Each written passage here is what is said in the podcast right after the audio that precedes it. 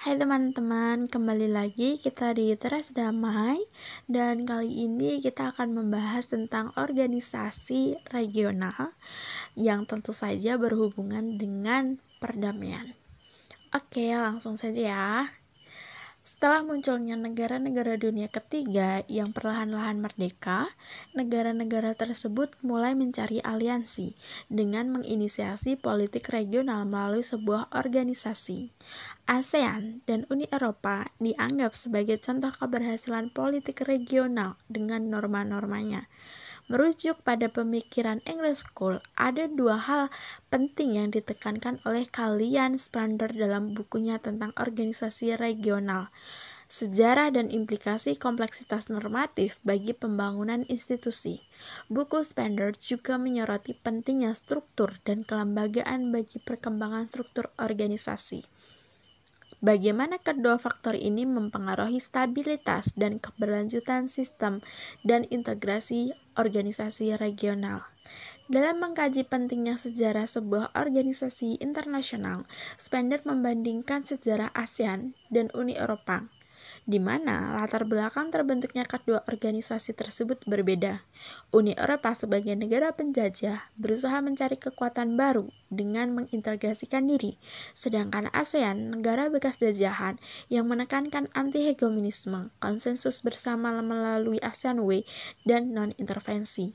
Sementara itu, perlu adanya norma yang mempengaruhi inovasi dan stabilitas organisasi dalam suatu institusi. Namun, dalam organisasi regional khususnya ASEAN yang mengutamakan non-intervensi memiliki ruang lingkup sejauh mana organisasi regional dapat mengakomodasi atau melegitimasi suatu konsensus yang dapat diterapkan pada negara-negara anggota. Oleh karena itu, norma dalam organisasi regional memiliki peran penting dalam menentukan arah visi organisasi.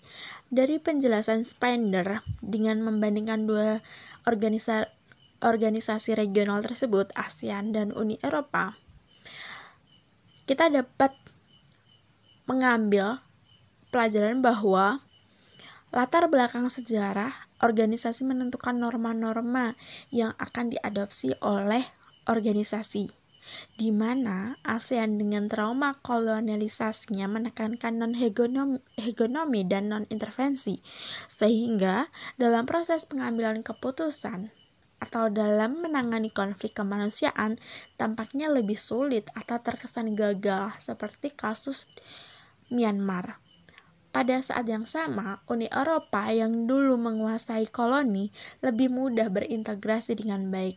Namun, kehadiran Brexit menunjukkan bahwa beberapa standar organisasi tidak diterima oleh negara-negara anggota.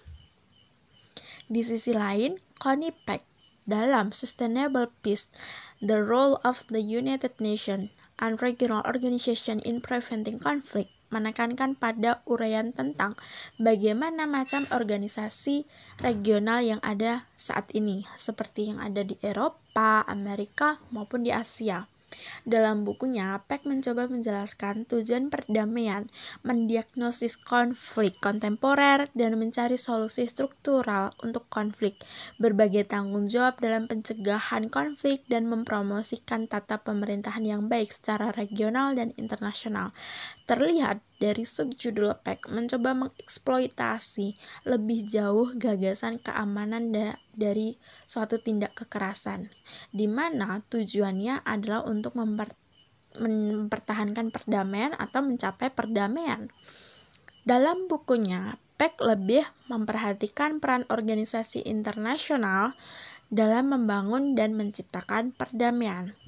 Di sini kita dapat menyimpulkan bahwa bukunya Spender dan Peck mencoba membenarkan teori English School dalam menciptakan keteraturan melalui legitimasi integrasi organisasi regional.